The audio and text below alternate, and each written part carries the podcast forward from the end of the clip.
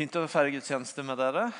Fint å komme sammen igjen en ny søndag. Det, eh, jeg ble såpass ivrig av det der dramastykket jeg ble kalt inn i i stad, at det var like før jeg ble sengeliggende med ryggen etterpå. Jeg kjente, kjente det hogg godt til der på de høyeste bølgene. Men, eh, men det går bra. Det går bra.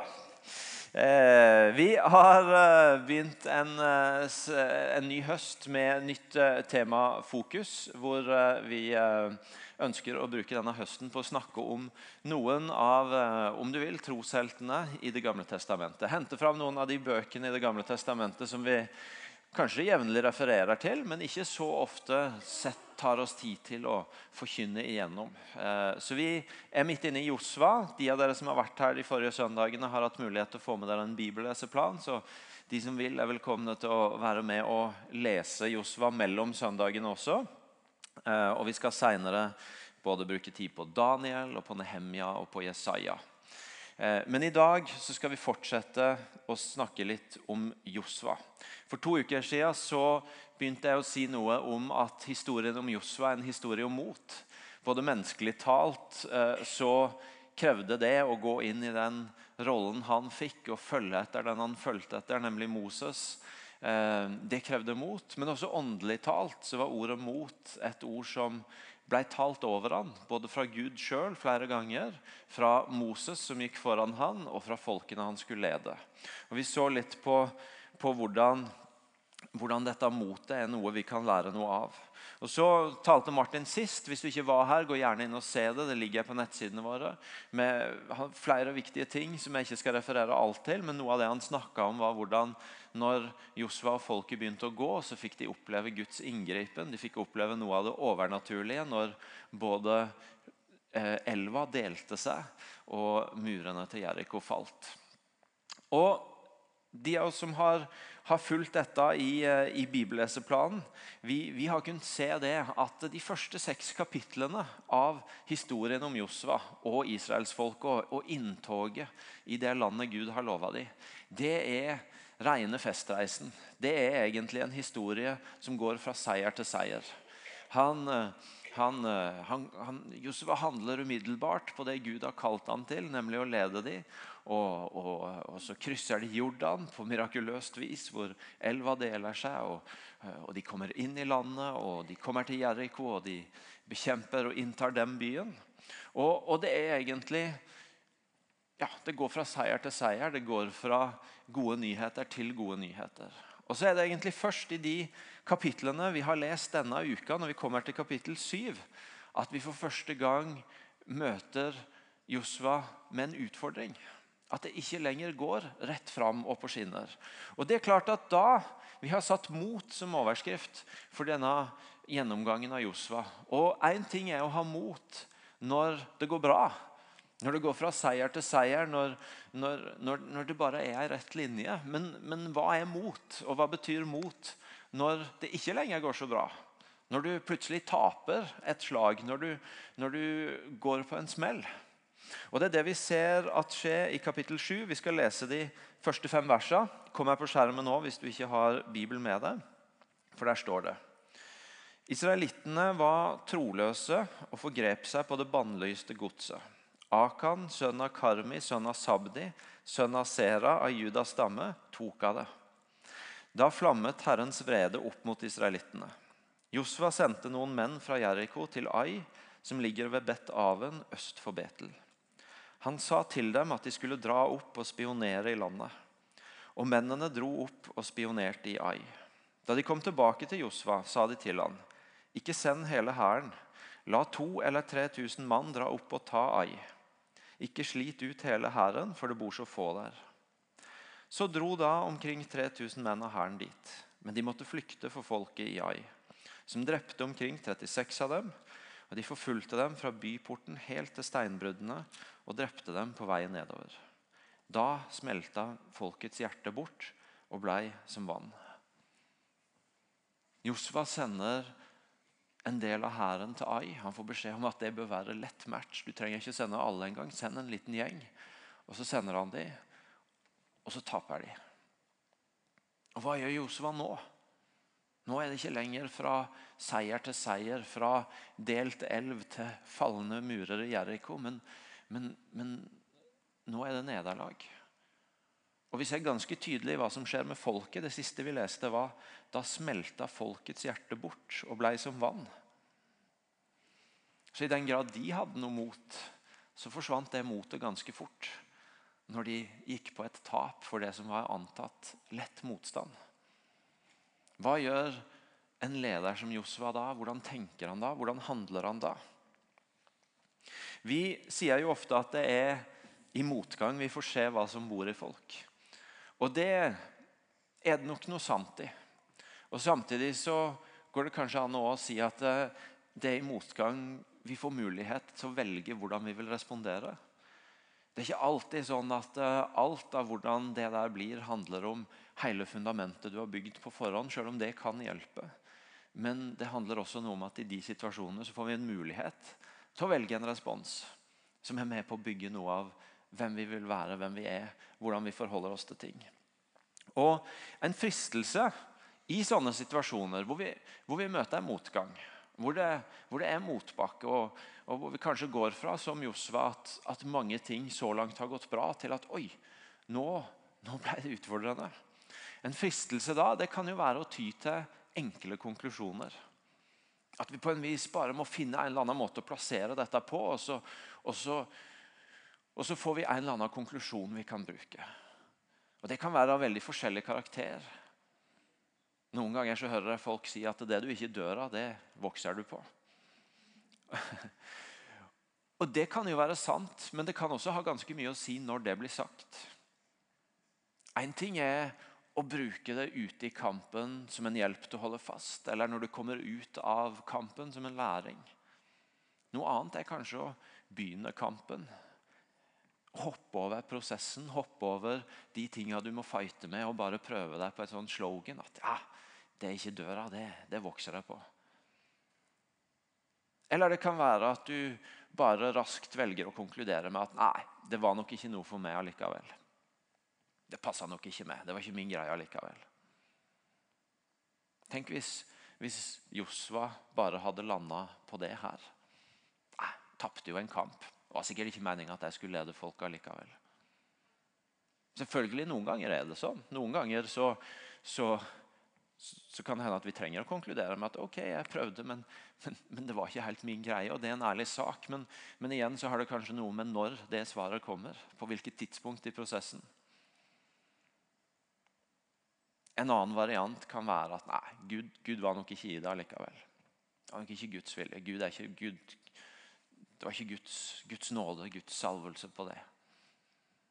Igjen, tenk hvis Josef hadde konkludert med det her. Det kan være fristende å i møte med det vanskelige trekke noen lette konklusjoner for å besvare det som er vanskelig. Og Det som da egentlig lett skjer, det er at vi står i fare for å rømme fra det som ble vanskelig. Fra det som ble motbakken i livet eller i, i, i det vi sto midt oppi.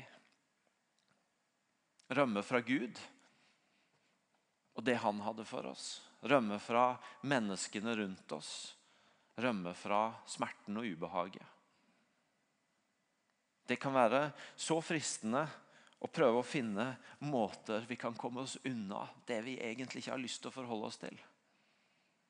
Og Det banale eksempelet som de av oss som er foreldre, vet om, er, og, som, og, som, på en måte ikke tangerer alvoret i det Josva opplever, eller de motbakkene vi kan oppleve, men allikevel, det er jo når du skal få barn til å gjøre noe de har null motivasjon eller lyst til. Og det er aldri så kreative og gode nei, forklaringer på hvorfor det bare ikke går. Ja, men det er, jo, det er jo Jeg har så vondt i beinet, jeg kan ikke rydde rommet. Det er liksom eh, Det er, det er, det er alltid en utrolig kreativ og god forklaring. Men den prøver jo egentlig bare å komme unna problemet. Og, og, som jeg har sagt før, Vi blir større og vi blir flinkere til å kamuflere det. Men, men flukten fra motbakken fra den der, Når det går fra at ok, her er det rett linje og det er moro, til oi, her er det kamp. Den kan være fristende for flere av oss. Um, Og Da er det spennende å se på Josva sin respons.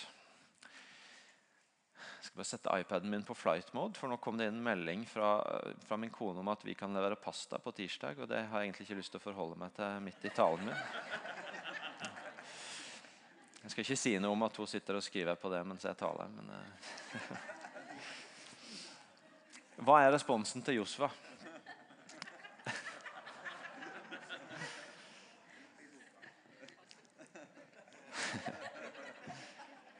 Fra vers 6.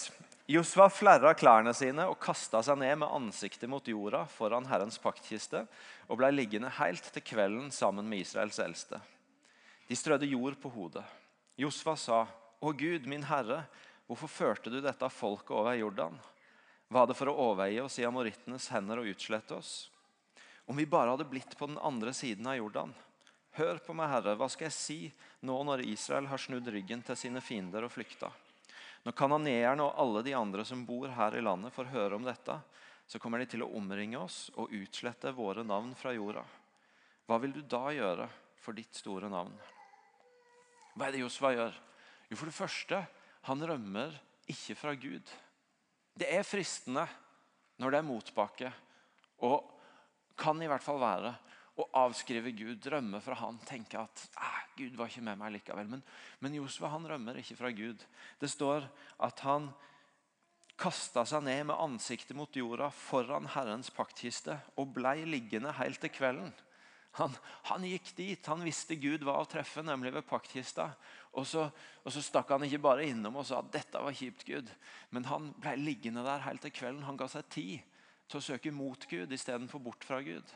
Han ga seg tid til å være der Gud var, for å se Gud, hva har du å si inn i dette. Og Det er jo den ene tingen som alltid er en mye, mye bedre uh, alternativ enn å rømme fra Gud, er jo å løpe mot Gud.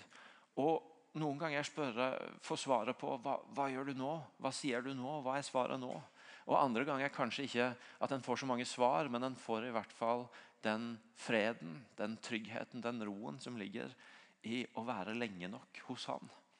Helt til Hans fred lander i oss. Det andre Josva gjør, er at han rømmer ikke fra folk. Han rømmer ikke fra alle han har rundt seg. Det kunne jo være fristende. Han skulle lede folk, og han har lova han skal ta det inn i landet. Og nå taper de. Ok, jeg stikker. Noen andre får overta. Nei, Det står at han ble liggende helt til kvelden sammen med Israels eldste. Han holdt sammen med noen som kunne være der med han. Noen ganger er det fristende å rømme fra folk når det blir vanskelig. Slitsomt å forholde seg til. Kanskje flaut, kanskje skambelagt. Det kan være forskjellig hvordan vi opplever det. Men for noen så er fristelsen å rømme fra folk. Josva rømmer ikke fra de han er i striden med, men også i det nederlaget så, så søker han Gud sammen med de eldste. Og til slutt, han rømmer ikke fra det som er vanskelig. Han, han, tvert imot så står det at han strør jord på hodet, som er et uttrykk for, eh, for sorg og smerte. Og så leser vi i vers 7-9 hvordan han på en måte øser ut hjertet sitt. Gud, hvorfor? Hva tenker du med dette? Hvordan skal, hvordan skal dette bli? Hva er meninga med dette?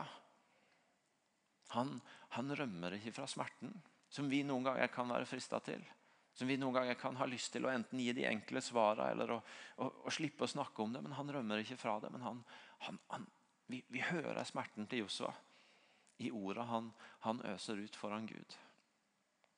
Og I dette bildet av hvordan Josva møter sin motbakke, sin første store motbakke etter at han ble leder, så kommer vi ut av disse her enkle skissene som noen ganger blir tegna for oss Eh, av kulturen rundt, av historier vi leser om de som ikke står midt i det, men er ute av det, og som, og som, og som kan gi en litt sånn følelse av at enten så er du en fighter som står på, eller så er du en som gir opp og, og bli værende i det. Nei, nei, her får vi en annen vei som ikke er så enkel, men hvor du på en måte både ser Josva søke Gud, holde sammen med de han har sammen med, og samtidig være sann om at dette var vondt. Og jeg vet ikke hva det betyr, og jeg vet ikke hva jeg skal gjøre nå. I møte med motbakken så kreves det en annen type mot av Josva. Ikke akkurat nå motet til å lede i strid, men motet til å holde fast, til å søke Gud, til å holde fast på folka og til å snakke sant foran alle om hva de opplever. Ikke la seg friste til å pynte på, ikke la seg friste til å late som, men sånn er det. Og Nettopp i det motet så fins det nåde. fordi at Hvis Josva hadde rømt fra Gud og fra folk og fra sannheten, så hadde han i stor grad vært overlatt til seg sjøl. Da hadde han stått der da, og måtte prøve å finne ut av hva skal jeg gjøre nå. Men når han ikke rømmer, men søker mot Gud, søker mot menneskene rundt, søker mot sannheten, så får han faktisk oppleve den nåden det er at han er ikke alene om det. Og at Han står ikke alene i det, han skal ikke gå videre alene i det. Han får oppleve at Gud snakker inn i det, om hva dette handler om. Og Når vi noen kapitler seinere er på en måte tilbake i sporet igjen, og, eh, og, og og folket vinner kampene sånn som Gud har lovt, så ser vi to ganger at det står i kapittel 10, først i vers 14, for Herren førte krig for Israel. Og i vers 42, for Herren, Israels Gud, kjempa for Israel. Han fikk oppleve at det var Gud som kjempa kampen hans. Hadde han rømt, så hadde han vært overlatt til seg sjøl. Men når han søkte mot Gud og mot folket og mot sannheten, så fikk han oppleve at det var Gud som skulle holde det. Det var Guds kamp. Og Det var det han opplevde når de tapte, at, at Gud ikke var med. Men, men, når han søkte mot Gud, så var Gud med igjen. Og så var det Guds kamp. Og I det ligger nåden og friheten ved å ikke rømme. Eh, og ved å ikke stikke av fra ting. Og så er det jo sånn at I denne eh, bestemte situasjonen Det kan være veldig mye forskjellig som gjør at vi opplever motbakker. I denne bestemte situasjonen så opplever israelsfolket motbakke. De opplever problem fordi at de ikke har vært lydige mot Gud. Gud ønsker at folket skal få leve i den tryggheten det er å vite at det er Gud som gir dem landet. Det er Gud som sørger for at de har alt de trenger. Og Derfor har han sagt klart og tydelig til, til dem at, at når, de, når, de, inntar landet, når de, når de, inntar byer, så skal de ikke ta til seg av gull og gods som de finner hos de, de eh, eh, gruppene de kjemper mot. Men de skal la det ligge, og så skal de stole på at det er Gud som sørger for dem. Og Så begynte jo kapittel 7 med å fortelle om hvordan det er en iblant de som ikke har vært lydig mot det, som ikke helt klart å holde fast på å stole på det. Så han har tatt litt gull og gods, og så har han gravd det ned i teltet sitt. Og så er det jo ikke alltid sånn, og det, og det er viktig å si, sånn at vi, vi på en måte ikke eh, ja, at, vi, at, at vi tenker rett om dette her. Det er ikke sånn at det er vår tro at hver gang vi møter en motbakke eller det skjer noe vanskelig, noe utfordrende, så er det fordi det er en konsekvens av at vi har gjort noe galt eller dumt. Vi tror at dypest sett så er det synden og dødskreftenes konsekvens, alt det som er smertefullt i vår verden. Vi tror ikke at det er Gud som er, som er avsenderen på det, men vi tror at det er syndens krefter og dødens krefter. Og Noen ganger så kan det være fordi at det andre gjør noe dumt mot oss. Andre ganger så kan vi ikke helt plassere det. Vi kan ikke, vi kan ikke lage et så enkelt bilde som at fordi den eller den gjorde det, så ble det sånn. Men Det er mye mer sammensatt enn det men, det. men det, går til bunns i at det er noen krefter som har spillerom i vår verden, som vi ikke har kontroll på. Men noen ganger så er det også et element av at vi må Av at vi har tatt dårlige valg. Av at vi har valgt en annen vei enn den Gud hadde for oss. Og at det kommer noen konsekvenser av det. Legg merke til at det står ikke at Gud straffa folket for det de hadde gjort. Men det står at det skjedde som en konsekvens av deres eget valg. Og Det er to forskjellige ting. Og Noen ganger så kan det òg være sånn. Og Derfor så har jeg lyst til at vi også skal ta med oss at i denne historien så ligger det også en invitasjon i møte med de situasjonene til å nettopp velge det Josva valgte. Å søke mot Gud, søke mot mennesker, søke mot sannheten. Fordi også når det er våre feiltrinn som er en del av motbakken, at vi faktisk vet at nå gjorde jeg et dårlig valg. Nå valgte jeg noe annet enn Guds vei. Nå gjorde jeg noe jeg ikke er stolt av. Så er mange av de samme dynamikkene som jeg akkurat har snakka om, like fristende for oss. Også da det, kan det være fristende for oss å rømme fra Gud. For vi vet at vi valgte noe annet enn det han hadde for oss. Også da er det fristende å rømme fra folk, for vi er ikke så stolt av det vi gjorde. Også da er det fristende å rømme fra sannheten eller kanskje plassere den der ute. For vi har egentlig ikke lyst til å ta eierskap til det. Og midt i det så er det akkurat det samme som er faren. Nemlig at hvis vi velger den flukten, så er vi overlatt til oss sjøl med smerten og feiltrinna og konsekvensene. Mens nåden ligger i når vi velger Gud, når vi velger menneskene rundt oss, når vi velger sannheten, så sier faktisk Guds ord at da står vi ikke alene med konsekvensene. Da er det ikke vår kamp å kjempe der heller, men da er det faktisk en som har steget ned for å kjempe også den kampen for oss. Det står i 1. Johannes 8, 9, kjente vers, vi leser det hver gang vi feirer nattvær, at sier vi at vi ikke har synd, da bedrar vi oss sjøl, og sannheten er ikke i oss. Men dersom vi bekjenner våre synder, så er han trofast og rettferdig, så han tilgir oss syndene og renser oss for all urett. Det er så viktig for oss å få tak på at friheten ligger ikke i flukten, men også når det handler om våre motbakken handler om våre egne feiltrinn, så ligger friheten i å søke mot Gud, mot folk, mot sannheten. For da trenger vi ikke kjempe kampen alene, men da har Jesus kjempa kampen for oss. Og, og Guds ord sier at hvis vi er ærlige på det og sanne på det, så tar han også renser oss for uretten, tar syndene fra oss. Det er så mye nåde i det, så mye frihet i det. Noen ganger så er det modigste vi gjør, det å være sann om feiltrinna vår. Josva han viste mot i motbakke ved å velge Gud og fellesskap og sannheten. Josva han viste også mot i motbakke ved å velge sannhet når det, når ble klart at, at noe av problemet var deres egen ulydighet.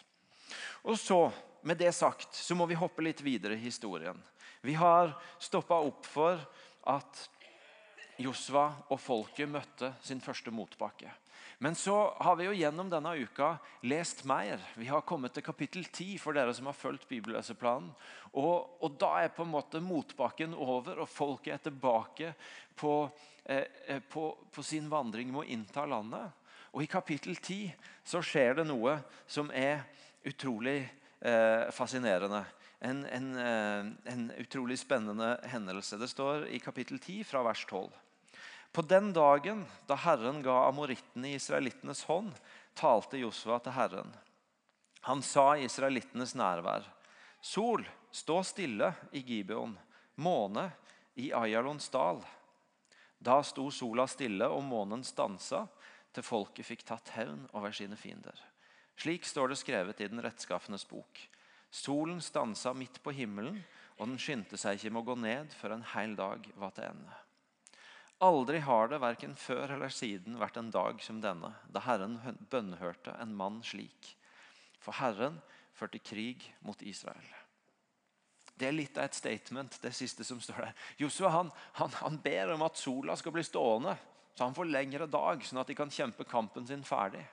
Og så står det at aldri har det vært, en, verken før eller siden, vært en dag som denne, da Herren bønnhørte en mann slik. Vi har snakka mye om motbakken, hvor det handler om å komme nær Gud. Og finne fred og mot, og kanskje noen svar for veien videre i møte med det som ble vanskelig. Men så finnes det andre situasjoner, sånn som denne, hvor invitasjonen er i møte med Gud er å be de store bønnene, sånn som Josua gjør. Å våge å be noe stort, noe utrolig, noe som en kanskje ikke uten videre ser muligheten for. Jeg, for meg er det en utrolig viktig verdi å snakke sant og, og holde fast i at, at, Gud er nær oss. Og at det, det, på en måte, det er ingenting som kan rokke ved at han er nær oss og han er med oss. Jeg, sist, eh, sist lørdag så løper jeg maraton. Jeg, jeg sier maraton av en grunn. Fordi, eh, og Det er ikke fordi det ikke var et ordentlig løp jeg var med Jeg var med i en uh, Stavanger maraton, et ekte løp. Jeg hadde et ekte startnummer, og jeg løp i mål til det jeg sjøl syns var en helt fantastisk sluttid for en maratondebutant. 3.14. Jeg vet ikke om dere uh, følger med på maraton, men jeg kan si at førstegangsløper som maraton, det er meget bra. altså. Uh, det er meget bra. Eh, og, og, lenge var jeg veldig begeistra for det sjøl. Eh, helt til jeg møtte Gry, som eh, også var veldig imponert. Eh, men som kunne fortelle meg at eh, min venn Frode, som jeg hadde løpt ut sammen med, og som både er sprekere og bedre trent enn meg, og som derfor ganske naturlig løp fra meg eh, et punkt ute i maraton, han var ikke kommet i mål.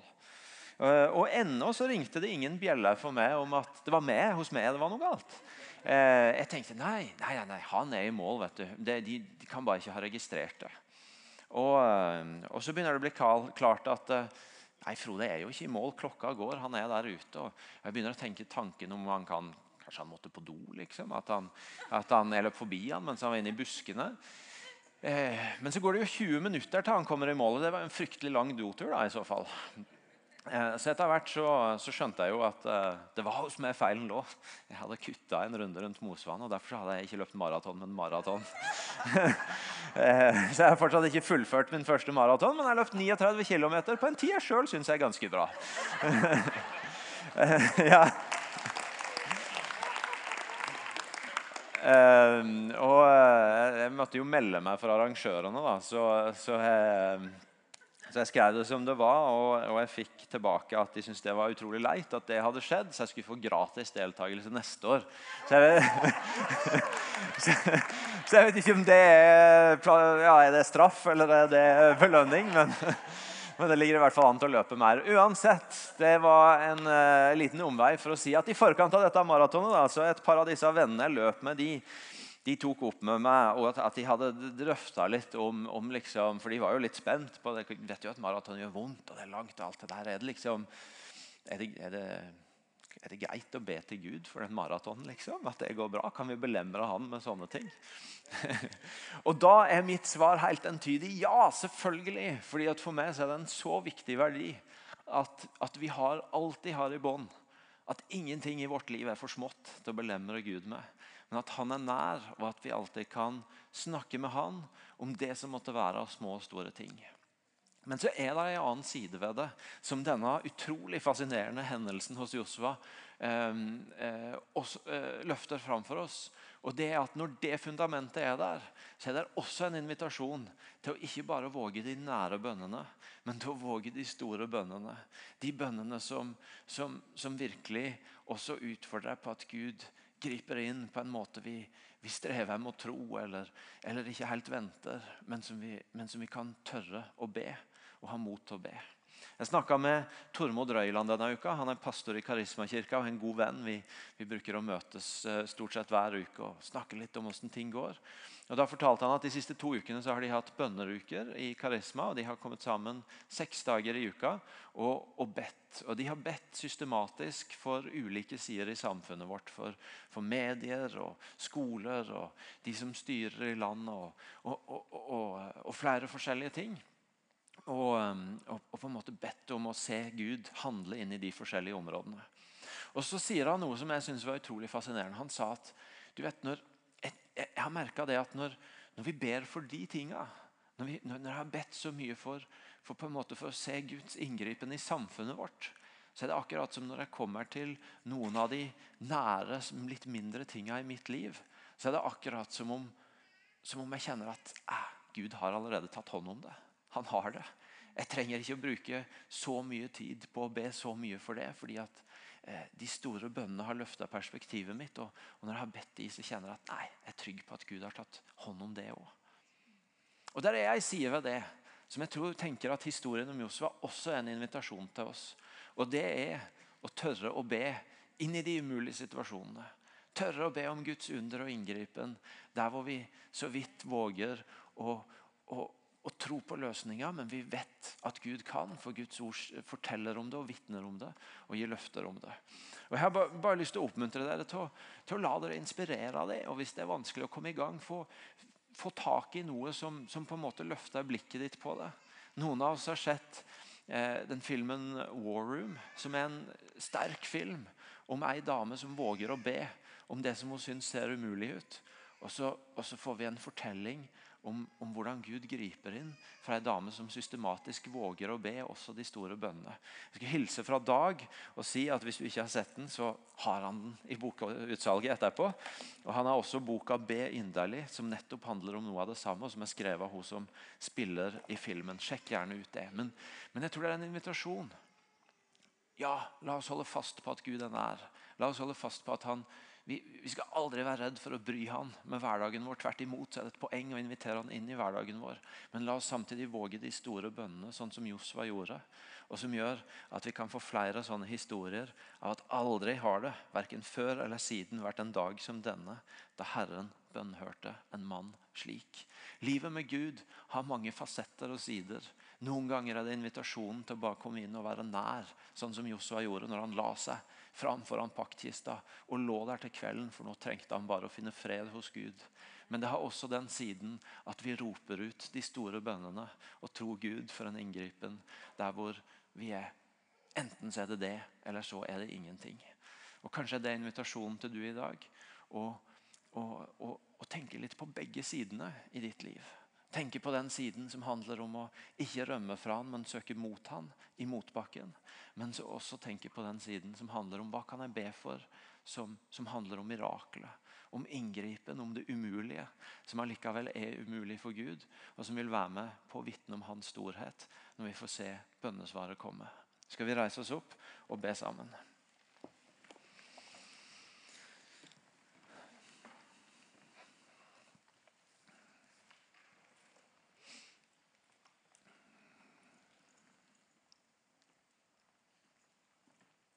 Jesus, takk for at du er en Gud som er nær. Og takk for at i møte med våre motbakker så kan vi alltid være trygge på at det er et alternativ som er veldig mye bedre enn å rømme fra det vanskelige, og det er å løpe til du. Det å legge seg ned som Josva og bli værende der til du har gitt fred eller gitt mot til å gå videre eller gitt et svar. Gitt noe som hjelper oss til å ikke rømme fra det vanskelige, men til å gå gjennom det. Og Jeg ber deg for de av oss som er i den, den fasen av livet nå, hvor det er motet i motbakken som trengs. At du bare skal hjelpe oss til å si nei til flukten og si ja til invitasjonen.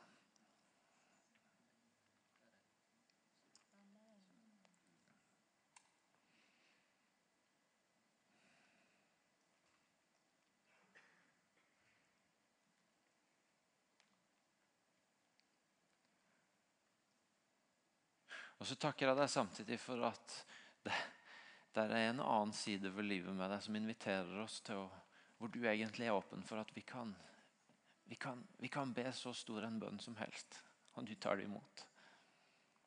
Vi kan få holde fast i at ingenting er umulig for deg, og vi kan, vi kan våge å tro og be du for det umulige. Og Jeg ber deg for de av oss som er her inne i dag, som, som, som egentlig trenger å komme i kontakt med det. At du både skal bygge tro og frimodighet til å holde fast på den, den store bønnen. Det mirakelet, den inngripen. Som er den eneste muligheten i en situasjon.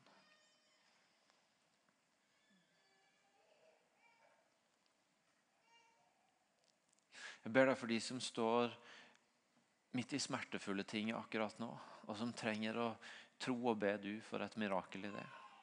Jeg ber deg for de som går med en, en brann, med en drøm, med noe du har født inn i dem, og som de ikke ser veien framover på. Om troen til å be om din inngripen. Hm. Og jeg ber deg for oss alle om at vi skal være på den reisen det er, og ikke plassere deg i i at det å relatere til deg er bare én måte. Ett modus. Men at du, du, tar oss inn i en bredde av hvordan vi kan leve med deg, be til deg, gå sammen med deg i det som er både oppoverbakker og nedoverbakker i livet. Hold oss fast i det, Jesus.